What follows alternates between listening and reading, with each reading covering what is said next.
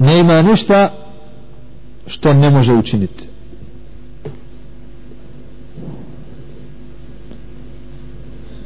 znači ne ima za njega ništa nemoguće šta je dokaz za to imate li dokaz da je tako imate li ajet kakav ili nešto وهو على كل شيء قدير koliko ajeta u Kur'anu završava وهو على كل شيء قدير i on sve može ovdje, ovdje se ne kaže kao što smo mi ovdje kazali jer ovdje se kaže da nema ništa da ne može ali suprotno tome da sve može je dokaz za to da nema da ne može to postoji u fikhu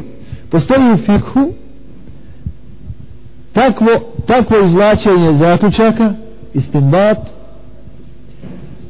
da čovjek iz suprotnog iz suprotnog zaključi jednu stvar. Na primjer kaže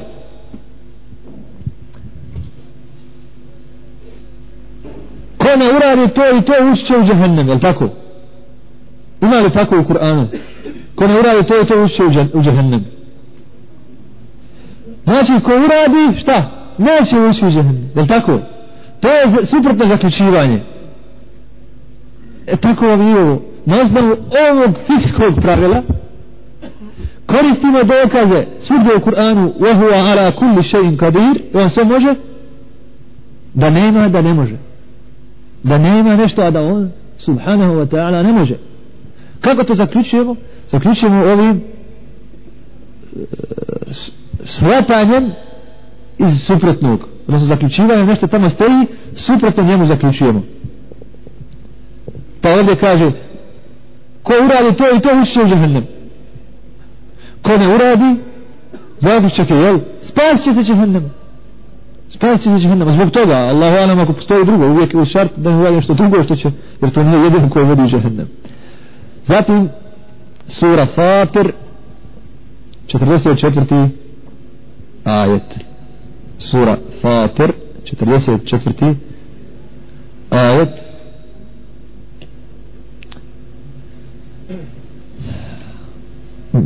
وما كان الله ليعجزه من شيء في السماوات ولا في الأرض إنه كان عليما قديرا عليما قديرا